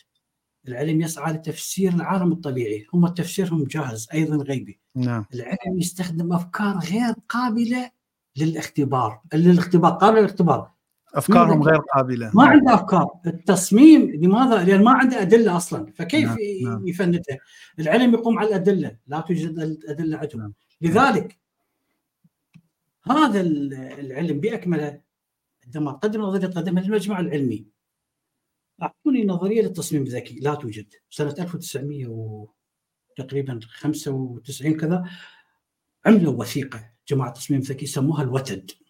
قالوا راح نألف خلال خمس سنوات عشر سنوات 30 كتاب و300 مقالة وكذا ونعرضها على كل علماء العالم. لا يوجد ولا مقال ولا اقصوصه ولا كتاب واحد لحد الآن. كل كلامهم رد فعل على ما يعتقد فجوات أي موجودة بنظريه التطور نعم. لذلك التصميم الذكي قائم على أمور لاهوتية. فكل حجتهم القوية التعقيد غير قابل للاختزال. اللي يشير علما إلى إنه يجب أن يكون دفعة واحدة. نعم. يعني غير قابل للتبسيط. تعال على العين حتى أترك لك الكلام. العين يقولون إنه يا إما تكون دفعة واحدة من مصمم خلقها وإلا ما تكون بال بالتدريج. لأن الانتخاب الطبيعي تدريجي. لازم يكون تدريج نعم. تراكمي. نعم. داروين بالفعل كان محق إنه تكون حيرة لأن لم يكن العلم نعم. واصل هالمرحله لا العين أيضا تدرجت العلم الحديث اليوم يحدثنا إنه الأربع مراحل أساسية مرت بها العين. اولا كانت هناك مستقبلات ضوئية بسيطة. بمعنى ماذا؟ بمعنى تجميع خلايا حساسة للضوء. قادرة فقط على التمييز بين النور والظلام فقط. نعم. بس ما تعرف هاي المراحل على فكرة موجودة إلى الآن. يعني هناك سلاحف وأسماك تمتلك يعني مو بس مو بس من الحفريات نعم. دودة فضل. الأرض دودة الأرض يسميها بالعراقي السلابيح. نعم. هاي السلابيح دودة الأرض قادرة على التمييز بين النور والظلام فقط لكن ما تستطيع تميز مصدر الضوء. أين هاي أول شيء. ثانيا مستقبلات ضوئية قادرة على تمييز اتجاهات الضوء. كيف؟ بفضل ظهور صباغ الشبكية اللي عبارة عن درع. هذا الدرع واقي لمن؟ للخلايا المستقبلة ساعدك في تحديد مصادر الضوء واتجاهها أين توجد؟ في الديدان المسطحة وصغار قناديل البحر. بعد رقم التاسع العيون ذات الرؤية منخفضة الجودة التي بعد أن اكتسبت هذا الدرع تقوم الخلايا المستقبلة بتشكيل تجمعات هنا وهنا مختلفة.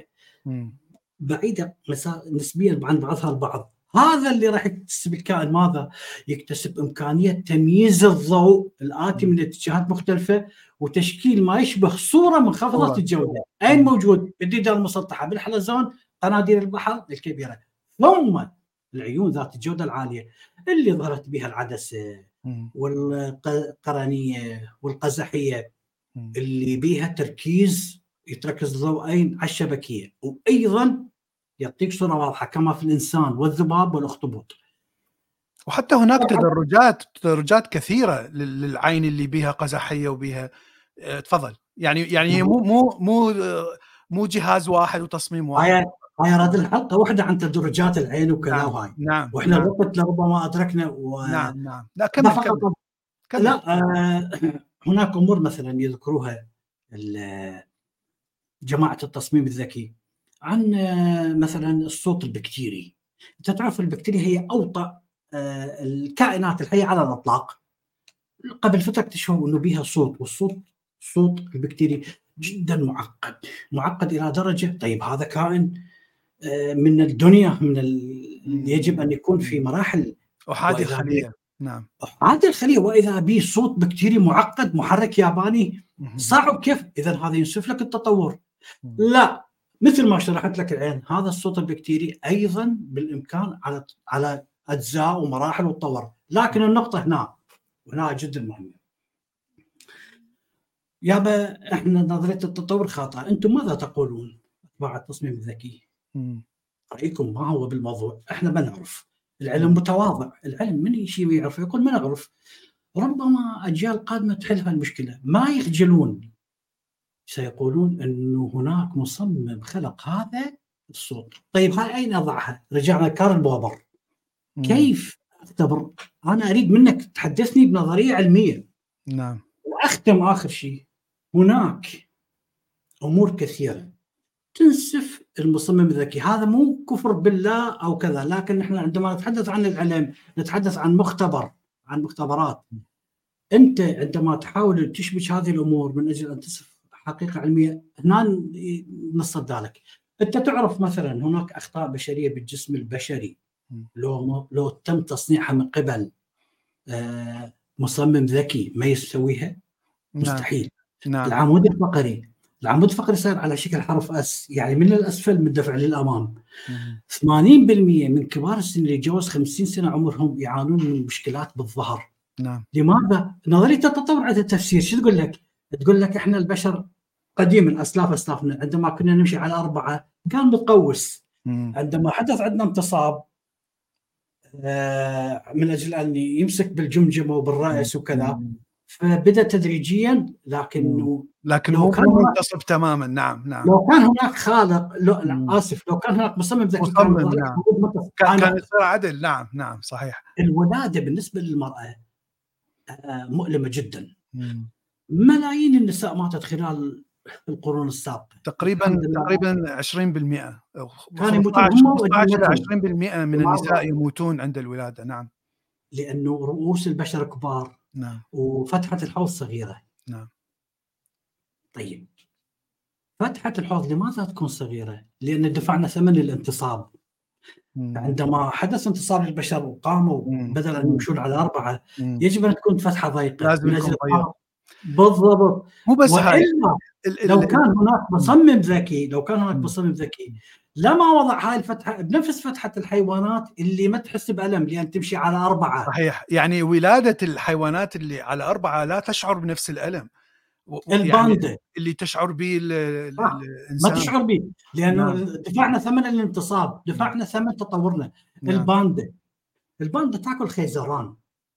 تبقى 17 ساعة باليوم تاكل بس خيزران. من هال 17 ساعه 7% من الخيزران تستفيد منه الباقي كله ما تفيده ما هو السبب؟ لو.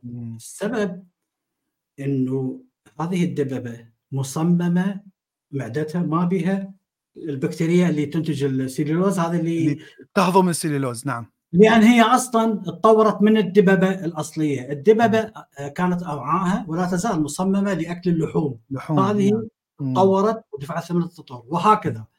إذا أريد أعدد لك أمور كثيرة جدا. نعم، ها نعم. آخرها وأختم. مثلا آه، ال- العصب الحنجري. مم. اللي يأتي من الدماغ للحنجره، هذا يأتي إيه. على شكل حرفي ويرجع، ويرجع طيب نعم. لو كان هناك مصمم ذكي مستقيم وكفى. الله المست- عدل مستقيم الحقيقة أنت تشوف أنت تشوف القلب آه، والشرايين اللي بالأسماك مثلا. تشوف ال- الشرا- الشرايين اللي يروح للرأس آه، يطلع من من من جهة الرأس وال- والشرايين تطلع تروح للجسم يطلع من جهة الجسم. الإنسان بالعكس. صح. الشريان اللي يروح الجسم الأبهر يطلع يطلع للأعلى ومن ثم يدور ويذهب إلى الأسفل. فهذه نتيجة لأنه تغير بالرقبة وتغير بالرأس وتغير وكذا وكل هالتغير المشكلة نعم. المشكلة وين أستاذ بلال؟ المشكلة إنه هذا كل فايدة ما بي يعني لو بالضبط. مستقيم هو بالعكس مضر. زين مضر تعرف شيء؟ تعرف إن الزرافة كم متر؟ خمس أمتار هذا العصب يأتي مترين ونص يصعد مترين ونص. نعم نعم نظرية التطور تقدم لك تفسير. تقول عندما كنا أسماك الأسماك كان نعم. المسافة أيضا على شكل حرفي لكن بسيطة جدا. حرفي نعم. تقريبا. نعم. من الدماغ إلى الخيشوم. مم. فعندما طورنا طورنا ازداد هذا. عندما تصبح زرافة نعم. أصبحت نعم. معها لأنه إضافات بسيطة وليس إعادة تصميم. نعم. ال- ال- الخصيتان عند عند الذكور. صح أيضا أيضا ال- يخرج درجه الحرارة. إيه إيه إيه تطلع آه، يعني تطلع للأعلى ومن ثم تنزل للأسفل. يعني تصميم غريب جدا إذا اخذت تدخل بالبروستات بحيث تسبب سرطان البروستا لذلك الأطباء يقطعوها ويرجعون مرة ثانية. طيب من البداية خليها. من البداية لا تدخل من البداية ما تدخل بالبروستات. بالضبط. يا, يا يعني سهل يعني تصميمها يكون سهل جدا. يعني لو عندك سيارة مرسيدس نعم. وأيضا نفس الشغل. راح تصل تقول هذول الألمان إيش بيهم؟ لماذا ندخلها هنا؟ لماذا لا نعم. أجعلها بشكل نعم. لكن هو لا يقول هذا الشيء لماذا؟ لأن هو دينيا متأقلم إنه آه، طبعا حتى توجد آية قرآنية أريد بها تقول لا يجرمنكم شنآن قوم على أن لا تعدلوا. اعدلوا! يا أخي أنت مالك علاقة هذا؟ يعبد ما يعبد نعم. ملحد ما أعرف كذا. نعم. يقول أمور علمية. القرآن يقول لك اعدل. يا أخي أنت لماذا لا تعدل؟ يعني حقائق واحد زاد واحد يساوي أنت كلها تكفر بها وأيضا توجد نقطة ثانية. أيضا القرآن يقول سبح اسم ربك الأعلى. يا أخي أنت ربك جايبه وخلك بكل شيء بالنظريات العلمية بالحياة السياسية نعم. بالاقتصاد. نعم. مصايب تصير عليك وتقول هاي من الله. مو الحكومة. هاي مصيبة ثانية اللي لها مواضيع. نعم. وغيرها وغيرها سبح اسم ربك الأعلى. ربك بينك وبين يعني نعم. نعم. بينك وبينه في الوجدان بالضمير. وأنا أشكرك. نعم نعم. شكرا جزيلا. طبعا أستاذنا العزيز أحمد. إحنا يعني تقريبا ساعة ونص. آه، ما أعرف إذا هناك أسئلة ممكن نجاوب عليها بشكل سريع. آه، بس إحنا يعني تكلمنا تقريبا غطينا أكثر الأسئلة اللي كانت مطروحة. آه، الشيء المهم أنه مثل ما يقول هنا أخونا كاردوخ كردي التطور لا يحدث عن الكمال. فيعني التطور نعم. يعني فقط الظروف الملائمة. يبدي يتغير. إذا لا توجد ظروف متغيرة لا يوجد داعي للتطور. آه، عندما عندما تخرج صفة جديدة هذا لا يعني هذه الصفة أفضل آه، من الصفات القديمة. فقط لأنها يعني ممكن تتماشى مع الظروف. يعني هذا هو الفرق الوحيد. هناك كثير من الصفات الموجودة بالدي ان اي اللي تسبب أمراض مثل الزهايمر زين الزهايمر مرض مميت. يعني ليش يبقى يتورث عند الإنسان؟ وهذا وهو وراثي حتى معروف بالضبط أي جين اللي يسبب. التطور يقول لك أن هذا الجين لا يتفعل إلا بعد آه، تقدم العمر. فإذا التطور ما راح يأثر على هالجين لأنك راح راح راح تجيب أطفال وبعدين يلا يصير عندك هذا المرض. فإذا هذا الجين راح يظل يتورث. نعم. هذا تفسير منطقي ومعقول جدا. أما عندما تفكر بطريقة التصميم الذكي يعني هذا هذا مو تصميم هذا تصميم شرير لا تصل إلى حقيقه يقتل الفرد لن تصل إلى أي حقيقة انت نعم. يعني بهالحاله وضعت سقف لكل العلوم وانتهى الموضوع لا نعم. تبحث لا نعم. تناقش ولا كذا ما راح تبحث نعم وهذه يعني ترجعنا لنقطه البداية أن المعرفة العلمية المعرفة بشكل عام أو الموديل اللي تكونه عن عن الواقع الخارجي المادي من المهم أن أن يكون عن طريق التجربة العلمية وليس فقط فلسفة أو أو أو تفكير أو منطق. المنطق حلو، الرياضيات حلوة، مهمة نعم. أنه نضع نظرية بها منطق ورياضيات وفلسفة وأخلاق وقانون وكذا، لكن عندما أسوي موديل للعالم الخارجي لازم يكون هناك تجارب تثبت هذا الموديل. صحيح. وهذا هي اللي اللي طورت البشرية خلال هال 200 سنة تطور هائل لم يحصل لم يسبق مثله بالتاريخ الاسلامي نعم نعم نعم, نعم صديقي صديق العزيز مهند إدريس شلونك مهند؟ آه بعث لي السؤال يقول الفارابي لماذا التطور غير منظور؟ اولا آه إذا تتحدث عن التطور الصغروي منظور التطور الصغروي اللي ممكن طيور آه تطورها تزاوجها أو نباتات أو غيرها من أجل ان تنتج ذرية آه، أكبر. هذا التطور الصغروي منظور التطور الكبروي. هذا اللي عبر مئات آلاف وملايين السنين. هذا طبعا غير منظور إلا واحد يعيش مليار سنة حتى. يصدق نعم. به. لكن عن طريق الحفوريات موجود ومثبت بدليل إنه راح أجي على العلة. أنا أعرف انت وين تدور على العلة. يعني مثلا تطور القردة إلى أنسان. هي مو القردة الشمبانزي هو القرد الجنوبي Australopithecus anamensis القرد الماشي على القدمين. قرد وجهه قرد لكن يمشي على اقدام. اسمه استرالوبوتيك انامنسز قرد جنوبي ماشي على القدم هذا موجود عفوريته هاي مو الموسانيه خلته ولا هذا هذا جنس وليس نوع. هناك كثير من أنواع الأسترالوبيثيكس. يعني أكيد إي إي. يعني هو هو جنس يشمل عدة أنواع. نعم تفضل. بالضبط. هذا عاش قبل 5 مليون سنة تقريبا. نعم. بين 7 إلى 5 مليون سنة. نعم. من نعم. 7 إلى 5 إلى 3 مليون حتى. نعم. فموجوده عفوريته من عندنا أحفوريه ثانية اللي هو عفار. استرالوبيثيك عفار اللي هو من نفس ذريته خلينا نقول نعم. قبل تقريبا 3 مليون سنة. هاي لوسي يمكن. نعم. أي لوسي لوسي. نعم. لوسي اللي هي القرد الجنوبي عفار. تمتاز ببعض خمس ست شغلات عن آه، الماشي على نعم. القدمين. نعم. اعتبرناها آه، نوع آخر. نعم. فقط خمس ست أمور. ثم يعتمد بعد ذلك استرالوبيتك اثيوبيا القرد الجنوبي الإثيوبي ثم الأفريقي ثم بويزي المتين حتى تصل إلى أردي. كلها بملايين أو مئات آلاف السنين هناك تطور والحفريات موجودة. ثم نصل إلى هومو رودولف اللي لحد اليوم علماء البيولوجيا قسم يقول هذا قرد قسم يقول هومو يعني إنسان. استرالوبيثيكس نعم نعم نعم. هم من بعد ذلك حتى هابيلس حتى هومو هابيلس أيضا. إيه. هابيلس الماهر والعامل يعتبروه استرالوبيثيكس ايراكتوس ثم نعم. هايدلبرغ نعم. ثم النياندرتال ثم نعم. الهومو سابيان. بعد الهومو سابيان يتوقف الحضارات السومرية والبابلية نعم. والآشورية. شيء مهم. شيء شيء مهم. هو مو خط واحد. لا يوجد شيء اسمه خط واحد. يعني استرالوبيثيكس هناك عدة عده, إيه، إيه، عدة خطوط جزء منها راح التج... يعني مثل الشجرة تخيلها مثل الشجرة لأنه بوزياي آه، هذا هذا موجود قبل مليون سنة وبوزياي شكله يشبه الاسترالوبيثيكس ليس له علاقة بالهومو لكنه عاش مع الهومو آه، مع هومو إيركتوس والاسلاف البشر. نعم. فهي شجرة وليست خط واحد. ليست خط واحد. نعم. حتى البشر لا يقف على رأس هذه الشجرة هي نعم. شجرة.